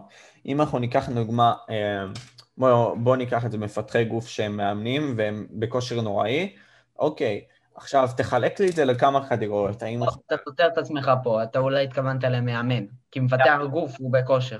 אוקיי, מאמן, אוקיי, סבבה, אני, אני מבין. יש, יש לא מעט כאלה, אוקיי. מאמן ש... אוקיי, אפשר לחלק את זה לכמה קטגוריות, האם הוא חזק, האם יש לו סיבולת, כאילו, אין סיכוי שבכל הפרמטרים האלה, לפחות באחד מהם הוא לא צולח. אני כאילו גם מסכים איתך וגם מתנגד. בקטע של הסכמה, אה, חוזק, סיבולת, כל פרמטר זה יחסי. זה okay. אוקיי. יחסי כאילו מה בן אדם, מה הממוצע, מה הספקטרום וכולי. אבל בקטע של להוות דוגמה כלשהי, אני חושב שהבן אדם שמקנה לך את הידע צריך לעשות ככל יכולתו mm-hmm. כדי אה, למקסם את הידע שלו וליישם אותו בתחום שהוא אה, מקנה את הידע. אבל אם יש לך, לא יודע מה, מש, מישהו שיכול אה, ל, לעשות משהו מהידע שלו ולא עושה את זה ועוצר את עצמו, אז זה בעייתי. אוקיי, זה פשוט לא מקדם אותו. זה לא מקדם אותו. נכון, לא מקדם אותו, לא, לא, יכול להיות לא יקדם אותך. כן, זה, תשמע, ברוב המקרים זה גם פוגע, אבל אין מה לעשות, עם כמה שאנחנו רוצים לבוא ולהכיל אנשים עם כפית, אי אפשר להכיל את כולם. אוקיי, ואולי... אז סגרנו את ה... לא, לא, אני אמשיך טיפה את זה, לפני שאנחנו סוגרים את זה, אני אפתח את זה בקטנה עוד. אה, אני חושב אישית שאם נגיד סתם, ויש אנשים כאלה, שלכאורה הם סגורים ולכאורה הם עושים דברים מוטעים, המשימה שלנו כאנשים בעצם אחרים שמסתכלים על הסביבה היא להבין א', למה, ב', ללמוד מהניסיון שלהם, ג', לבוא ולא לעשות את הטעויות שלהם, וד', פשוט לבוא ולהיות אנחנו. בסופו של דבר, כי אנחנו זה הדבר הכי חשוב שיש, ואם אנחנו לא נהיה אנחנו, אז זה טיפה פשוט יפגע בעולם עצמו. כי כל אחד מאיתנו מביא אור מיוחד וצבע מיוחד לעולם הזה. אז אה, יופי, רציתי עכשיו לבוא ולהעלות נושא ושכחתי אותו. אה, אתה זוכר מה אמרת? אמרת לגבי ספורט. אוקיי, אז אה, לגבי ספורט, בדיוק, נזכרתי. אני חושב אישית שיש לנו הרבה מאוד מה ללמוד מהשיטה של ברית המועצות מבחינת השיטה הספורטיבית. מה הקטע? אני לא חושב אישית, ונועם, אני אשמח לשמוע את הדעה שלך, שאני צריך לשלם 400 אמ, שקל כל חודש בשביל לבוא ולעשות מנוי לחוג מסוים. זה טיפה משוגע. כי בסופו של דבר אנחנו כחברה רוצים להיות יותר טובים, ורוצים להיות כמה שיותר איכותיים וכמה שיותר להגיע להישגים. עכשיו... תרחיב על זה, תרחיב על זה. עכשיו, אני ארחיב על זה. אני חושב אישית שכמדינה יש לנו הרבה מאוד אה, כישרון, אבל מעט מאוד ביצוע. עכשיו, אנחנו מתקדמים לזה, יש לנו הרבה מאוד אנשים שהם מדהימים, אה, שזכו במדליות אולימפיות, ואני כאחד שהייתי בג'ודו, אמ, הרבה מאוד מהם היו מודלי לחיקוי בשבילי, כמו אריק זאבי, אמ, אנשים שבאמת התחרו, יעל ארד בדיוק, ירדן ג'רבי, אנשים שבאמת התחרו למען משהו, באמת הגיעו לתוצאה מסוימת שהיא בהכרח מדהימה וטובה. אוקיי. בדיוק, אבל יש הרבה מאוד דברים שאנחנו יכולים ללמוד, ללמוד מהשיטה של ברית המועצות, שדוגמה ממה שאני קראתי לפחות, אה, אותם אנשים באו ואמרו לך כזה, אתה נכנס בחינם, כל עוד אתה נשמר ואתה מציג את עצמך בצורה הכי טובה שיש ושומר על החוקים, אתה לא צריך לשלם על כלום, אתה מקבל את כל הדברים שלך וככה אתה מתפתח. שני דברים. אוקיי. Okay. אחד, תלוי איזה ספורט אתה, כי אם זה בחדר כושר, מבחינתי זה לשלם כ-200 שקל לחודש, זה סבבה לגמרי, כי אני יודע מה המחירים של אותם מכשירים שאני משתמש בהם, ואני יודע כמה כמה אה, תחזוקה צריך לעשות כדי לשפר ולתחזק את החדר כושר. שתיים, okay. אוקיי. אה, תלוי מה רמת המשמעת שלך, כי המשמעת בדרך כלל ברוסיה היא משמעת, כמו שאתה יודע, משמעת ברזל. הרמה בארץ, ספורטאי יכול להתנענע, אני בטוח במה שאני אומר, ספורטאי יכול להתנענע, לא, לא לעשות את מיטב יכולתו כדי לשמור על השייפ סלאש יכולות שלו, ולא להשקיע את ה-110% שלו במקצוע. עכשיו, אני... אומר על זה. עכשיו, אני טיפה אתן גם ספקטרום טיפה שונה.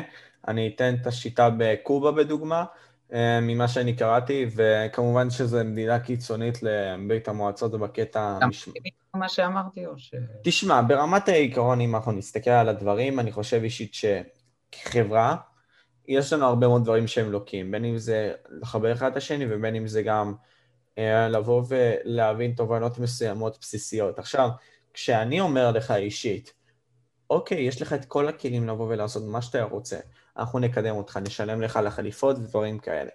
מן הסתם, שנגיד סתם, ההורים שלי, בוא נגדיר, בוא, בוא, בוא עכשיו נגיד סתם נשחק משחק ונגיד שאני אני ממש, אוקיי? ולא, אין לי כסף לכלום, אז עכשיו הם מכניסים אותי נגיד לחוג אגרוף, כי אני ממש אוהב את זה. אבל לפני זה, או שהייתי צריך לשלם 300 שקל, שזה כסף בסופו של דבר וזה אוכל מהפה שלנו בסופו של דבר, או שפשוט לא הייתי הולך והייתי נשאר בחלומות שלי ובראש שלי. אני חושב אישית שאנחנו צריכים יותר להשקיע בכסף של הספורט. ספורט זה הדבר הכי חשוב שיש. גם מבחינה מחשבתית זה בונה לך את המחשבה הכי הרבה שיש. אין יותר טוב מספורט מבחינת החשיבה של המוח.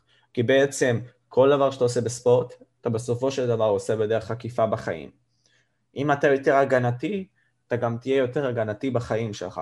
אם אתה יותר תוקף, אתה תהיה תוקף בחיים שלך. אני מכליל, אבל בערך. מסכים איתך לגמרי, אבל יש למדינות, במיוחד בתקופה כזאת, אה, סדר עדיפויות שונה, מבחינת אה, תקציבים, מבחינת השקעות. אתה מבין אותי. כן. עכשיו... אה, בוא תראה את מה שיש בקובה, כי אני לא יודע מה רשמת. כן, אז בקובה, אז יש דבר כזה שנקרא פרה-אידה, אבל אני לא זוכר מה זה, זה מין סוג של המושגים שיש בקובה. יש להם מין סוג של תחרות כזאת, מין סוג של תחרות על החיים בעצם. באמת. אה, בגלל שקובה היא מדינה לא הכי עשירה שיש, אה, יש אנשים ובעצם מתאמנים שנלחמים... אני לא עשיתי כלום, אני עשיתי הצגה של ערן זהבי, אני לא, לא אמרתי כלום. אז אם אנחנו נתעסק בקובה, אה, הם מייצגים הרבה מאוד דברים, והרבה מאוד מהם יש להם יכולות גנטיות ממש טובות. זה למה אתם רואים אנשים באגרוף, דוגמה, כמו טיפל סטיבנסון, מי שרוצה לבוא ולראות אגרוף קלאסי, של שנות ה-80-70, אתם יכולים לראות, אה, וואי, הקובאנים ממש טוב. אה, יש הרבה מאוד קובאנים עכשיו, כמו אורטיז, שנמצא באגרוף, אה, הרבה מאוד בכללי אנשים, אם אני לא טועה, גם ריגנדאו, הרבה מאוד מהם נמצאים באגרוף, והשיטה שלהם לבוא ולשרוד ובאמת להילחם בשביל החיים שלהם. אני מצטער, הצחקת אותי עם הריגנדאו. בשביל לבוא ולהילחם על החיים שלהם, הם צריכים לבוא ומה שנקרא לשים את הכל על השולחן. הם צריכים לבוא כן. ולהילחם. מול אנשים שיש להם רעל בעיניים. כי אם הם לא יבואו ויעשו את זה, ההורים שלהם יבואו ויהיו עם פחות כסף. וזה הקאץ' פה. הם נלחמים בעצם על הממון שלהם ועל הכסף. עכשיו, בדוגמה בוא ניקח קבוצה של עשר איש, עכשיו יש הרבה מאוד מתחרים בהם והכל, עכשיו לוקחים שתי אנשים, הבן אדם הראשון בדוגמה מקבל את התנאים הכי טובים, בית מלון, אוכל, כסף, ושההורים שלו יבואו ויהיו בנחת. הבן אדם השני בא ומקבל תנאים פחות טובים. ומה קורה בעצם? כל האריות האלה נלחמים אחד בשני בשביל לשרוד. עכשיו, יש לנו הרבה מה ללמוד בתור ישראל. אני לא אומר שאנחנו נעשה את זה ואני לא אומר שאנחנו צריכים לעשות כמו ברית המועצות. אבל חסר לנו פה קאץ', כי אנחנו לא באים ומה שנקרא מפרסמים לאנשים לבוא ולהיות בארגונים האלה. אבל יבוא לך, אתה, אתה מבין, יבוא לך איזה אחד, יגיד לך, אבל משה, יש מלגות לשחקנים, יש כך וכך, כך וכך. אוקיי, מלגות, אוקיי, זה יפה. אה, גם לערבים נותנים להם לעשות תואר דרך הכלא, זה לא אומר שהכל הוא... והלכת עם זה לנושא שונה לגמרי. אני יודע, אבל אנחנו אומרים שכאילו, אוקיי, המצב יפה, אוקיי, דבר אחד טוב בתחום, צ'ק, יפה, בסדר. נותנים תואר פה ונותנים מלגה פה. אה? לשפר את זה, כאילו, אתה אומר. כן, אה, אה, תקשיב, יש הרבה מאוד מה לשפר. אנחנו בעצם בונים את עצמנו... בכל דבר. ואם אני, נגיד, בדוגמה, לא בא ומשקיע בעצמי, אני מפסיד בסופו של דבר, וכחברה אנחנו מפסידים, כי אני יכול להיות יותר טוב, ואתה יכול להיות יותר טוב, וכולם יכולים להיות יותר טובים. אז ההשקעה הבסיסית הזאת בספורט, להניע יותר, אתה יודע, יש את עמותת אתנה, בדוגמה, שנותנת לבנות כמה שיותר חשיפה בעצם לבנות אחרות שהן מאוד טובות בתחום שלהן, בתחום שהן אוהבות. ולנו זה חסר. אני בדוגמה אה, פגשתי פעם אחת, לא, בעצם התאמנתי עם הרבה מאוד אנשים, נגיד בראשון לציון, עם אה, פאשה, שהוא הבעל של אלי שליזינגר, ועם אה, פיטר פלצ'יק, וכן היה לי על מי להסתכל ודברים כאלה, אבל זה לא אותו דבר. נשמע לי מוכר השם הזה, פיטר, פיטר פלצ'יק. כן, פיטר פלצ'יק זכה בהרבה מאוד מדליות, במיוחד באליפויות, אה, אם אני לא טועה, באליפויות עולם. הנה, באליפות אירופה הוא זכה במדליית זהב. אה, פיטר פלצ'יק... אה, זה, הוא לפני כמה זמן זה זכה? כן. לפני חודש, משהו כזה. לפני חודש, בפראג, נכון מאוד, הוא זכה במדליית זהב. ו... הוא, הוא תותח, הוא תותח על, ויש לנו סיכוי למדליה ב-2022. רגע, מתי האולימפיאדה? האולימפיאדה. שום דבר לא יודע, אתה יכול להיות זה יידחה ולגמרי. כן, אבל 2022, לא, זה דקה.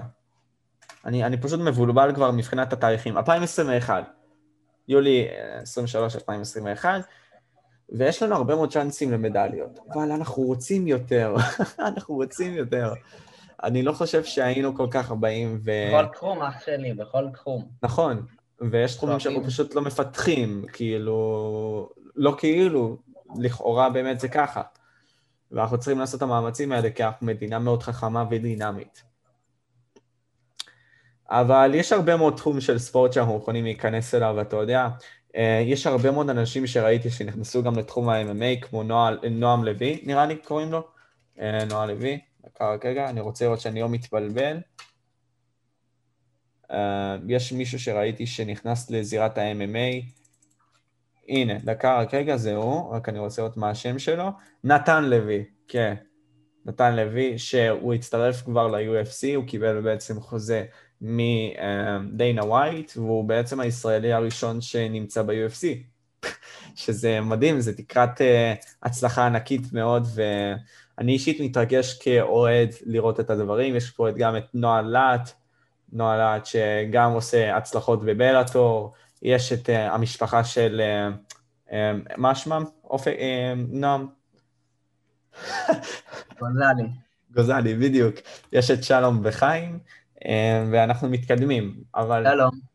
אבי וחיים. זה שלום. אולי, אולי, תחפש שנייה. שלום. לא, אני, אתה צודק, אתה צודק, אבל uh, אני טעיתי פה.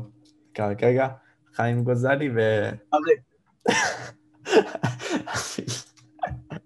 אני נשבר מצחוק, אבל uh, כן, אנחנו מתקדמים, ויש לנו מודלי לחיקוי ממש טובים, ואני אישית, אתה יודע, דבר מאוד שאני uh, רוצה שאנחנו נבוא ונתעסק עליו ונדבר עליו עכשיו, NBJJ בארץ בצורה גדולה. אה, אה, אה, אוקיי. אוקיי, אין BJJ. אין... זה אה, סבבה, כן. אין קרבות קרקע בארץ, וזה הדבר הכי טוב שיש, כי זה כמו שחמט, רק בקרב. BJJ, ברזיליאן ג'ה-ג'יצו, ג'ה-ג'יצו ברזילאי, זה אה, סוג של לוח, לוחמה, אה, לוחמה. אומנות לחימה שאתה בא ומנסה להפיל מישהו או לקרקע, וזה משלב בעיטות הרבה ונעילות. לא, ו... לא, זה לא בעיטות. לא, אין בעיטות. גם בעיטות, אל... אין בעיטות בברזיליאן ג'ו-ג'יצו. אז, אז נראה לי אני התבלבלתי במשהו אחר. יש, אוקיי, אז אני טיפה אסביר, אם ברשותך. אולי ב-MMA, ב-MMA יש בעיטות מן כן, הפעם בפרייד בעיטות על הרצפה בעצם, היה אפשר לתת בעיטות לאנשים בראש כשהם על הרצפה, עכשיו אי אפשר ב-UFC, אבל בכל מקרה. אה, כן, אסור גם ככה, 12 to 6 קוראים לזה, זה בעצם הנחתה של היד הישרה למישהו לראש. אבל מותר בזווית כזאת. בזווית מותר, אה, אפילו אם אני הייתי עושה טיפה קצת ככה, אז כן אפשרי. לכאורה למה? כי הם ראו פעם, אה, אנשי ה-MMA ראו בעצם קראטיסט בעצם שובר לבנים ככה, אז הם באו ופחדו וככה עשו את החוקה הזאתי. אה, טיפה מצחיק, אבל ככה זה לכאורה. עכשיו, אומנות הלחימה ברזיליאן ג'ו-ג'יצו נפתחה על ידי אוריאן גרייסי, אם אני לא טועה, אני, אני מקווה שאני לא טועה, כי אני ממש אוהב אותם, אה, משפחת גרייסי, דקה רק רגע. דקה. זה לא ג'יקארו, כאילו, אני רואה ג'יקארו קאנו, אבל ג'יקארו קאנו בא ועשה את uh, ג'ודו. דקה רק רגע, גרייסי.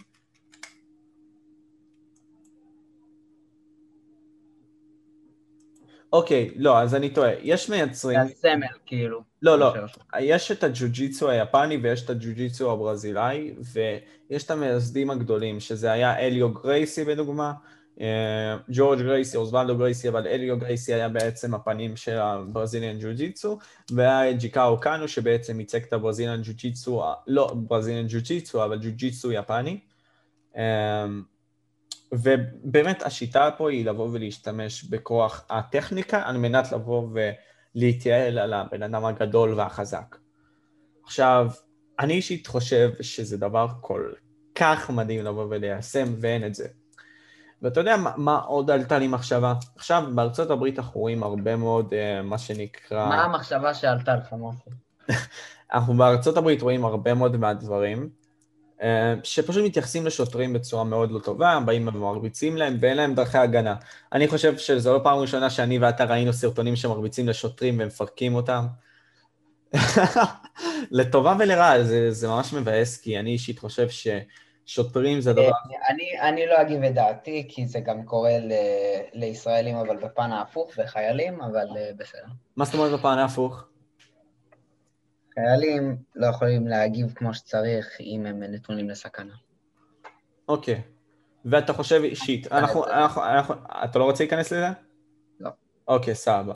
אז אני חשבתי אישית בתיאוריה שלי שאנחנו צריכים להכשיר באומנות לחימה מסוימת את אותם שוטרים, לבוא ולהילחם מול אותם אנשים. זאת אומרת, אם אין לך חגורה מסוימת באמנות הלחימה, אתה לא יכול לצאת לתנועות מסוימות. עכשיו תגיד לי מה אתה אומר, אני רואה שאתה צוחק, אבל תגיד לי מה אתה אומר. ואתה איתנו, נועם? כן, אני איתך, אבל אני אקטע לי פשוט הזה. כן, אז מה אתה אומר לגבי זה?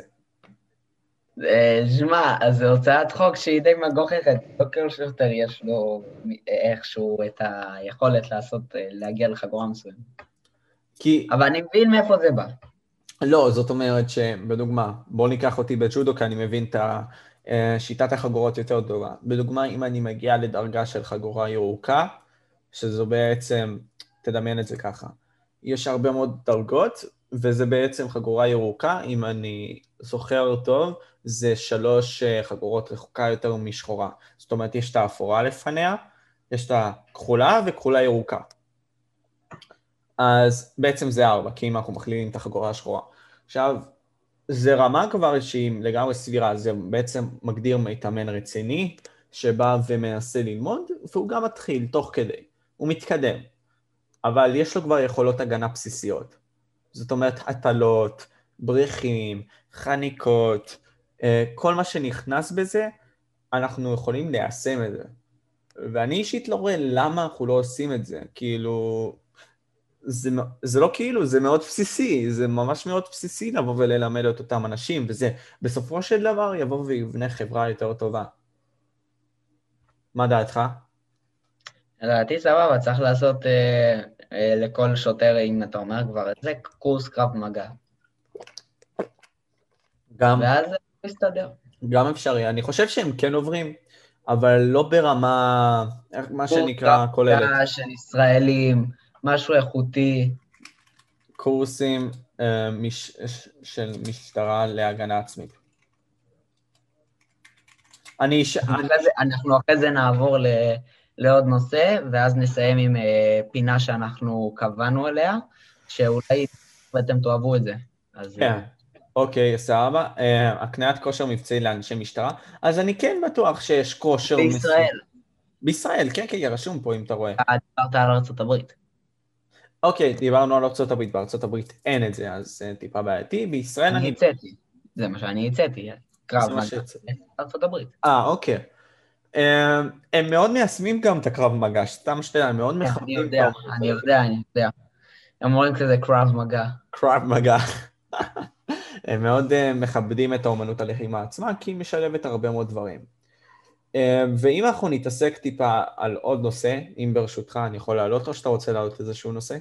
אה, בוא תגיד מה זה. אני רוצה לדבר טיפה על ברוס לי, אם אנחנו מדברים טיפה על אומנויות לחימה. אה, סבבה, מה שאתה רוצה. אני חושב אישית שאתה יודע, אנחנו, עבר הרבה מאוד זמן מהמוות של ברוס לי, אבל ברוס לי היה בעצם ה... מה שנקרא יוצר הדרך. הוא בעצם בא... כי אין לי הרבה, הרבה כל כך זמן, אבל... אה, אין בעיה. מעניין אבל. אין בעיה, אנחנו נקדיש כמה דקות, אני יודע שאתה קצר בזמנים, אבל אני מסתכל על השעון. אז ברוסלי בעצם בא עכשיו במחשבה שלו, יש הרבה מאוד תיעודים שלו בא ומדבר על זה, אבל ברוסלי בעצם דיבר על כך שהוא לא רואה לטובה לכך שאנחנו מתעסקים רק באמנות לחימה מסוימת, כמו קאראטה בדוגמה, שהייתה ממש גדולה בשנות ה-70-80, או רק אגרוף. אנחנו צריכים לבוא ומה שנקרא, להקיף את המימדים שלנו, לבוא ולהיות יותר, מה שנקרא, פתוחים לעוד מימדים מסוימים. זה למה יש לו את אה, אמנות הלחימה ז'י קונדו, שבעצם באה ומתעסקת על כל הדברים האלה. וגם, אתה יודע, יש משהו שאני רוצה להיכנס, שזה טיפה מצער אותי, שאנשים כאלה גדולים הולכים, משפיעים גדולים הולכים. הוא, הבן שלו, קנדי כאלה, אנשים שנרצחו כי הם פשוט, לא יודע למה, אבל יש הרבה מאוד סיבות והרבה מאוד קונספירציות. לא ניכנס לזה, פשוט הייתי צריך לציין את זה, אבל ברוסיה בין האנשים הראשונים. אה, אם אתה ראית את הסרט אה, עם צ'אק נוריס, אתה ראית את הקרב שלהם? של? של ברוסלי נגד צ'אק נוריס. לא. אז אני ממליץ לך לבוא ולראות את זה. זה היה פשוט כאילו שילוב מדהים של כל האומנויות הלחימה שאפשר. זאת אומרת, גם קרקע, גם אגרוף, גם קיק בוקסינג, בעצם שילוב של הכל, וזה היה רק בשנות ה-70.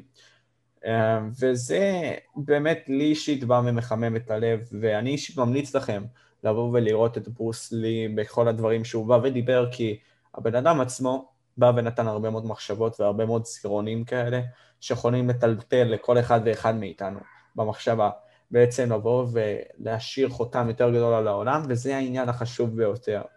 אנחנו חיים בעולם שאנחנו לא יודעים באמת מה המטרות שלו. לפחות אנחנו מנסים לבוא ולייעל את זה ולאחד לנו את זה למוח, מה בעצם המטרות ומה בעצם המחשבה עצמה כוללת לכל הדברים האלה.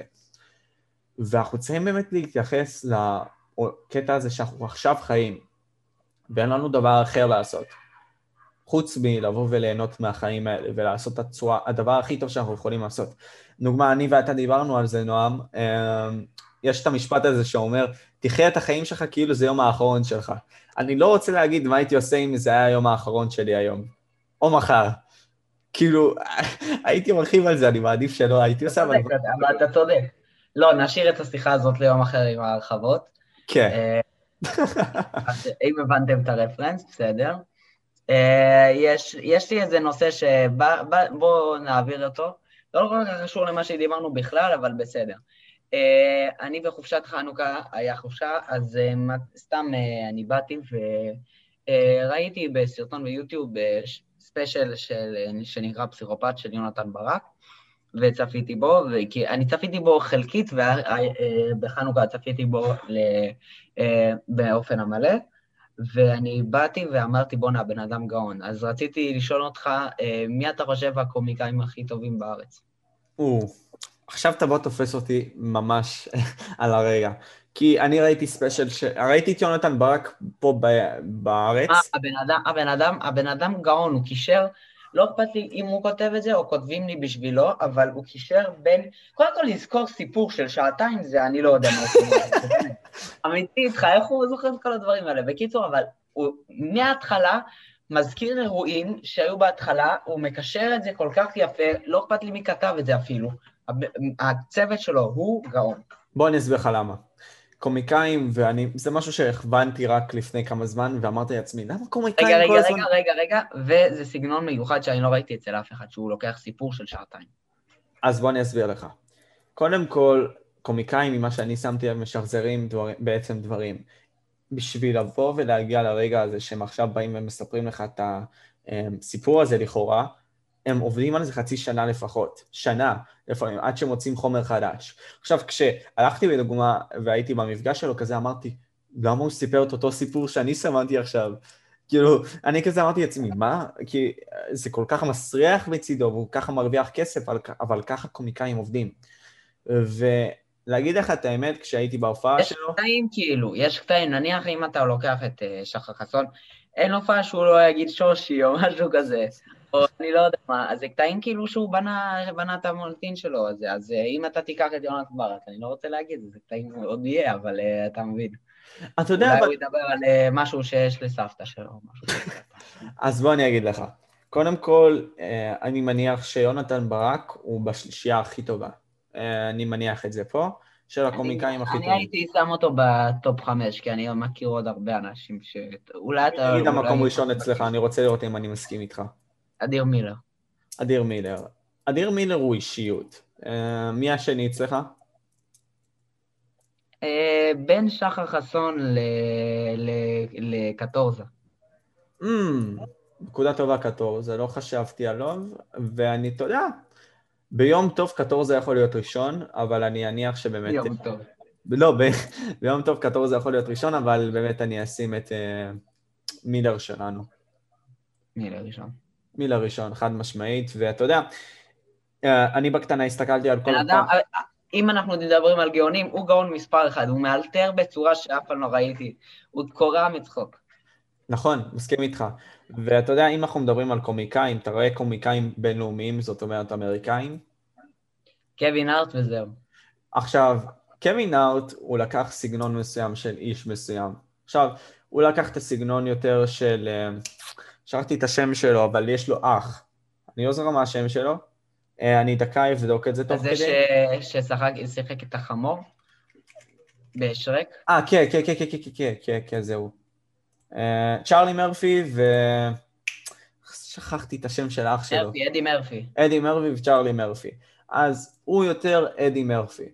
בעצם קווין אאוט לקח יותר את ההשראה מקווין אה, אדי מרפי, וצ'ארלי מרפי היה יותר ה... אתה תביא, זה קומיקאים בינלאומיים, אני פשוט לא בקיא בזה.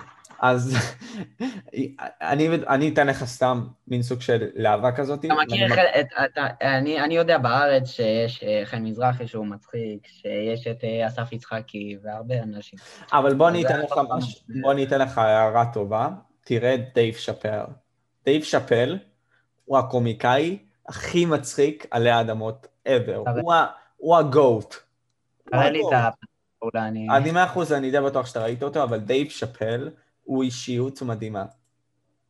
הוא בן אדם... ראיתי איזה אחד ש... אה, אה, שדומה לסטרלינג, שאני שלחתי לך. אה, לדונלד סטרלינג? אז זה שמקבל אה, חבטות למוח? הוא היה אצל... לא, לא, לא, הוא היה אצל... אצל... במסעדה של נאסר לפני איזה כמה ימים. לא זוכר על מי אתה מדבר. אבל יש הרבה מאוד... אחד עם משקפיים כאלה, עם פרצוף כזה, עם שפם כזה. לא גם, גם, גם אה, שחום אור. אוקיי. עכשיו אני אגיד לך איזשהו... מה אתה מחייך ככה? לא משנה. לא רואים אותי. אה, אבל בוא נתעסק טיפה על קומיקאים, אני גם ממליץ לך לבוא ולראות את ריצ'רד פריור, כי... תקשיב. עוד פעם, תראה לי את הבני אדם האלה, כי אני לא מכיר. אז היה את ריצ'רד פרייר, שהיה בעצם הקומיקאי העילאי בשנות ה-80, אמ, בשנות ה-90, בשנות ה-70, הוא בעצם היה הדבר. יש גם את ג'רי סיינפלד, קריס, הנה, דיב, אה, לא, קריס רוק שהוא סבבה. וואי, מיסטר בין, אחד הטובים. יש את רובין וויליאמס, אמ, וזה טיפה מקרה מצער, שהוא פשוט בא והתאבד. אתה, אתה יודע מי זה, נכון? או ש... אוקיי, אז רובין וויליאמס היה קומיקאי תותח. אז כאילו, זה לא עניין של שאלה, הוא היה קומיקאי תותח, וב-2014 פשוט גמר על חייו והתאבד. Uh, הבן אדם עצמו לא היה מבולע בכל הדברים שהוא בא והעסיק בחיים האלה, עם כמה שהוא בא והשפיע, קיבל אותות, בא והראה את עצמו בצורה הכי טובה שיש, אבל uh, אתה יודע, מחלות נפשיות זה לא דבר שהן בצחוק. וזה כן, מצער. זה בקטנה. דיברנו על זה בקטנה, אבל אני חושב אישית שזה פשוט עצוב. Uh, כן. הוא התקשה טיפה עם מחלה שהייתה לו ממה שהבנתי, ממה שגם רשום פה, אמ, אבל עדיין. אני אחפש את, אה, אני אחפש את מי שאני ניסיתי אה, למצוא, כן. אבל בינתיים אני אדבר ואגיד שאם אתם רוצים לראות קומיקאים, אוקיי, קודם כל משנות ה-80-70, ריצ'ארד פריור, מן הסתם שהיו יותר טובים מריצ'ארד, כאילו, היו יותר אנשים טיפה יותר מוקדם מריצ'רד פרייר, אבל לא הרבה. הקומיקאים האלה היו בסגנון לגמרי אחר. בשנות ה-50 אני אישית ראיתי כמה מהם. אמ, אני דקה אקליד לכם שם שתדעו אחד מהם. קודם כל, קודם כל, מי שכאילו עכשיו אה, טוב גם מארצות הברית, אה, ג'ים קרי היה, היה כאילו טוב. ג'ים קרי, כן, לגמרי. אה, ואני לא יודע, חניבל בורס, אם אתה מכיר, תרשום את השם שלו שנייה בגוגל. איך חושבים את זה? חני... תרשום את זה ב... כן. אני אישית לא מכיר אותו, לא ראיתי אותו בחיים שלי. איך אתה לא מכיר אותו? וואי, איזה מצחיק הוא. טוב, לא משנה, אני גם לא מכיר אנשים, אז אני לא יכול לדבר.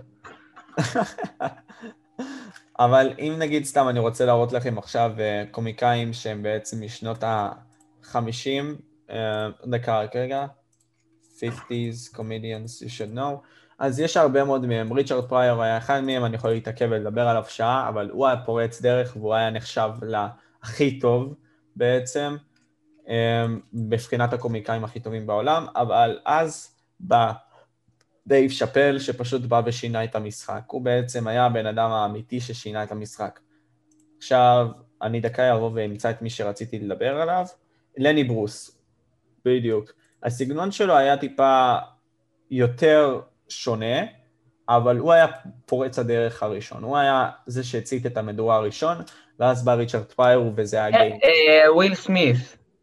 וויל סמית. וויל סמית הוא לא קומיקאי. כאילו... נחשב ל... גם. סטנדאפ, לא.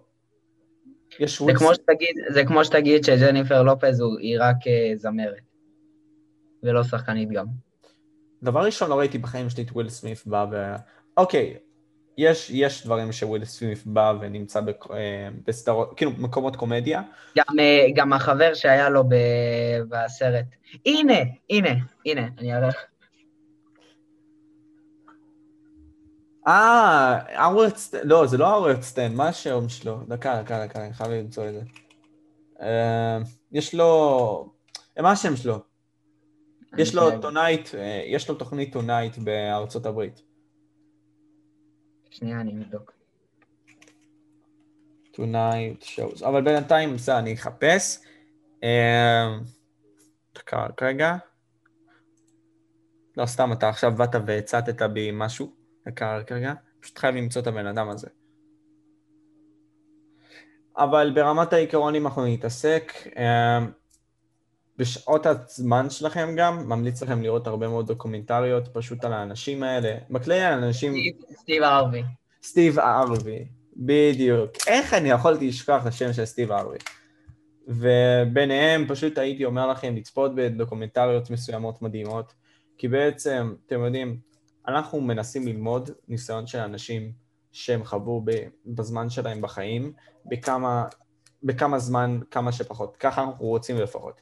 ועכשיו יש לנו... באחד הפודקאסטים, באחד הפודקאסטים הבאים נעשה אותו דבר עם זמרים, איך אתה? אני חושב שכן. אני חושב שכן. באחד הפודקאסטים הבאים. נכון.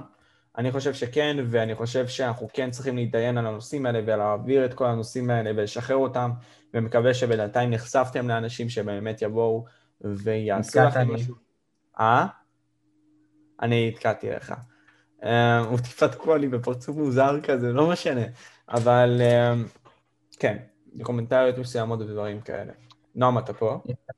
נתקע, כן, פשוט, יש לי בעיות אינטרנט לפעמים, נתקעת לי. אז, אה, אז עם כל הבעיות האינטרנט שלי עוד מעט נסיים, רק משהו לפני סיום.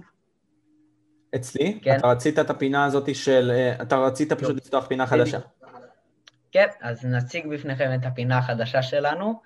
אה, הציטוט השבועי או ציטוט הפודקאסט, משהו כזה, נראה איזה שם נדביק לזה.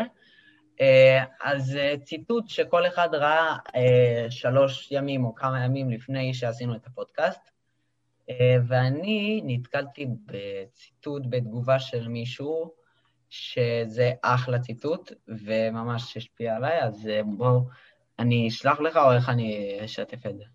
לא, פשוט תעשה שיתוף מסך, אני מבטל את שלי. סבבה. תן לי רק? אוקיי.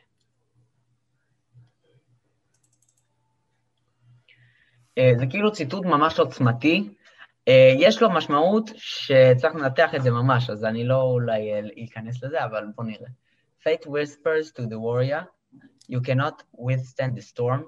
The warrior whispers back, I am the storm. זה אומר, אה, כאילו הגורל לוחש, ל, לוחש ללוחם, אתה לא יכול אה, לעמוד בפני הסערה, אבל הלוחם לוחש בחזרה שאני הסערה.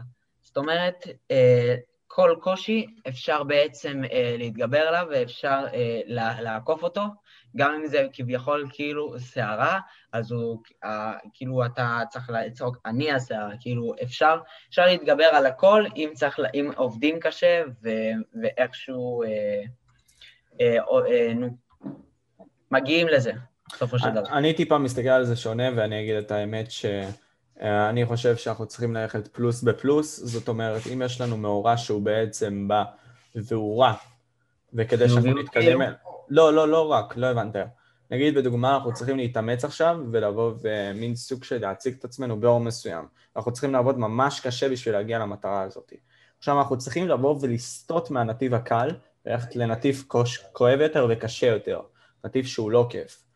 אז אנחנו צריכים ללכת ביחד עם הכיוון של הלא כיף הזה ולזרום איתו. אם אנחנו נהיה איתו באותו ראש, אנחנו בעצם נבוא ונתקדם. אבל להגיע למצב הזה שאנחנו נהיה איתו באותו ראש, זה בכלל תהליך. אז אנחנו צריכים לעבוד על הבסיס שלנו, חברים.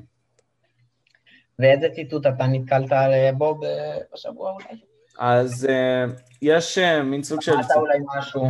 אז כן, יש ציטוט של לאו צו, שבאמת נתקלתי בו, זה בעצם מין סוג של בן אדם uh, יפני, ש... אני, אני, לא, אני דקה, אני אתן את הפרטים. הוא היה ב, בשנות ה-600 לפני הספירה, 400 לפני הספירה, הוא היה פילוסוף בעצם. דקה, רק רגע, שנייה. אז הנה, דקה. הנה, אני אקריא את זה. דקה, אני פשוט רוצה למצוא את זה ולהציג את זה פה. דקה. הנה. הנה, אז הנה. אם אתה בדיכאון, אתה חי בעבר. אם אתה בלחצים, אתה חי בעתיד. אבל אם אתה בשלווה, אתה חי בהווה. אוקיי, אני רואה איך אפשר, כן. אז אני חושב אישית שאנחנו כבני אדם צריכים לחיות בקטע של להיות טובים כל יום ויום. אתם צריכים לחתום לעצמכם שכל יום השתפרתם. יש חוקים כאלה שאתם יכולים לרשום לעצמכם. אמ, ראיתי גרף שקוראים לו גרף האחוז אחד, אם אתה שמעת עליו. בעצם ברמת... לא, לא שמעתי. דקה רגע אני אראה לך. דקה אני פשוט... שנייה. זה בעצם חוק, חוק כזה מאיזשהו ספר שמדבר בעצם בכך שכל יום, אפילו אם אתה עושה דבר אחד, מקדיש עשר דקות לדבר מסוים, אתה משתפר. וההשתפרות הזאת בקטנה מת, אה, מתעצבת למשהו יותר גדול בסופו של דבר. אהבתי. אז פה יש את ההסבר הזה. אה, אני יכול להביא את הספר הזה למי שרוצה, וממה שאני זוכר קוראים לו The Atomic, Atomic Habits של ג'יימס קליר. אז uh, למי שרוצה לבוא ולקרוא את הספר. כאילו, זה כאילו השוואה יפה, למרות שזה, אוקיי, כן, כאילו המשמעות של זה היא משמעות ממש ממש טובה, אבל uh, בעצם. טוב, אני לא אכנס לזה, כי הפירוש המתמטי זה מובן שזה ככה, לא משנה. אוקיי. הבנו את זה, זה, זה, לא, זה מה ש... הבנתי, זה, זה, זה ממש השלכה טובה לחיים. אז אם בדוגמה, אני בתור בן אדם לא משקיע את העשר דקות האלה בלנגן גיטרה ואני מעדיף לעשות דברים אחרים וכזה, לא עושה את זה בצורה טובה וכאלה, אני פשוט לא מתפתח. בסופו של דבר אני אפילו נעשה יותר גרוע כי אני לא משקיע בדבר שאני רוצה להשקיע. אבל כשאני בא ומשקיע בזה כל יום כמעט, או אפילו מדי פעם 2%, מדי פעם 1% וזה עולה, אבל העיקר שאתה בגרף עלייה, בסופו של דבר אתה תגיע למה שאתה רוצה להגיע, לא משנה מה. למרות שכמובן, יש uh, דברים שקוטעים את זה, וזה לא האולטימטום היחיד ולא הקרייטריה היחידה, אבל uh, זה כבר משהו. ואני ממליץ לכם לקרוא את הספר הזה, Atomic Habits של ג'יימס קליר. ופה נראה לי נסיים, נועם. יש לך עוד משהו להוציא? היה, היינו, היינו פה איזה מעל שעה ורבע, שעה וחצי בערך, אה, פודקאסט משמעותי לדעתי. כן, אה, מקווה שאתם נהנים מחוויית הצפייה, אנחנו כל פעם מנסים להשתפר עוד ועוד, ואנחנו מנסים להביא כמה שיותר תוכן איכותי לכם. תכתבו אה, לנו, ותכתבו לנו בתגובות מה אתם רוצים שנדבר עליו, אולי עוד שאלות להכיר אותנו, אולי מה אפשר לשפר וכאלה. נכון. ואני מציע לכם, חברים, עוד טיפ מסוים ממני, אל תיכנעו לשום דבר, תנסו להמשיך בחלום שלכם, החלום שלכם אמור להישאם טהור. וכל עוד הוא נשאר טהור, אתם באים ותגיעו למטרה שלכם, או לפחות למשהו קרוב למטרה שלכם. מה שאני למדתי גם מהאולימפיה שהייתה, אה, אותו שון קלרידה, שאתם ראיתם בתחילת הפודקאסט, אם אני, כבר סוגר מעגל כזה, אה, הבן אדם, הבן אדם נקרא, הכינוי שלו The Giant Killer. הוא, הוא מתחרה עם אנשים, הוא כאילו, הוא, הוא מטר חמישים בערך, הוא כאילו פחות ממטר שישים, זה ממש נמוך, אז הוא כאילו נקרא קוטל הענקים, כאילו, אז הוא עבד, עבד, סליחה על הביטוי את התחת שלו, הוא עבד ממש הרבה, אה, והשתפר כל יום, אה, הוא התאמן בבגדים עם, כאילו, הוא לא הראה את הגוף שלו כדי, אה, כדי שיהיה הפתעה. הוא יש לו, הוא עשה כזה מותג של no plan B, כאילו אין תוכנית אחרת מאשר ניצחון. והוא השקיע, הוא השקיע, השקיע, השקיע, עבד, היה נחוש והתמיד, ועם ההתמדה הוא הצליח, הצליח בהרבה. כן, יש הרבה מאוד, אה, מה שנקרא, הבדל בין התמונה הזאת, לדעתי, מהתמונה הזאת, רגע, דקה, זה לא, לא, זה הבוסטון פרו, עכשיו אה, נבדוק בעולם. 2020. תרשום 2020. דקה. יש הבדל. לא, זה 4X, טוב, לא משנה, בסדר, הנה, עדיין. הנה, זה התמונה שאתה רצית שאני אראה. וואו. יש הבדל בין זה לזה. טיפה אני לא יכול להשקיע ולהראות יותר את התמונה, כן? כנס לאינטרנט אם אתה רוצה, יש מלא. אז דקה, רק רגע. לאינסטגרם של שון קלרידה? אה, גם, וגם לבייזנט רייז יש מלא עמודים, כל הרשת מוצפת בתמונות. הבנתי אותך. אנחנו טיפה צוחקים כי אנחנו רואים פה דברים מדהימים. אמ, הנה, וואו, וואו. אני עכשיו מראה את התמונה הזאת וזה וואו. Big time, וואו. הוא פשוט נראה חיה. Most muscular, הוא פשוט קולע אותו בצורה מדהימה. Front double. Back double, זה גם... back double.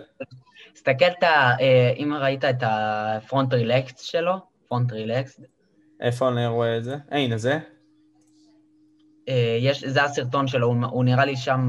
תסתכל, תסתכל כאילו איך הגב שלו בא וכאילו הוא נראה מקדימה. כל, הסרט, כל מה שאמרתי, דרך אגב, זה פשוט בא בסרטון פה, אם אתה יכול לשתף להם, שנייה אחת תצא מזה. Mm-hmm. הנה, בסרטון פה, ב-IGTV פה, שמעתי את זה ופשוט, כאילו, זה כל כך נכון. מי, ש, מי שאולי אם אתם לא יודעים, מי שפה אה, מדבר, זה קאי גרין, אה, אחד המפתחי גוף הטובים בעשור האחרון. אוקיי, אז אתה רוצה שאני אשמיע את זה? אה, תהיה סיומת ממש נחמדה לפודקאסט, כן. אני פשוט לא יודע אם מבחינת זכויות יוצרים וזה, אתה יודע? הרי הוא פרסם את זה במקום, זה לא וידאו שלו. פרסם את זה במקום אחר. טוב, אוקיי, אז אל תשמיע, אל תשמיע, מה שאתה רוצה. אוקיי, אבל uh, זה פשוט דבר מטור. הבנתם את העיקרון, הבנתם את העיקרון. כן, אני גם את זה הבנתי את העיקרון. תסתכלו איזה נחוש הוא, כאילו כן, רציני. כן, פנים, כן. יש אגב גם אה, אה, אמרה כזאת, שאם יש לך תוכנית ב', זה אומר שאתה מתכוון אה, או מתכנן להיכשל. אז שוב פעם. אז באמרה הזאת נראה לי נסיים את הפודקאסט. מנטליות טובה. נראה לי אה, בדבר הזה נסיים את הפודקאסט, היה כיף, נועה. סגרנו שעה וחצי נראה לי כבר של צפייה, נקווה שאתם ראיתם. נהניתם, ומי שראה את התכנים... מי, מי, ש, מי, ש, מי שנשאר עד הסוף, שיגיב, נשארתי. כן, ויאללה. ויאללה, תודה רבה לכם חברים, תודה רבה על זה שאתם נותנים לחלומות שלנו לבוא ולזרום, ואנחנו מכבדים אתכם ואוהבים אתכם יותר מכל דבר שיש. תודה רבה לכם. נועם, יש לך משהו להגיד? אה, תהיו בריאים. ביי.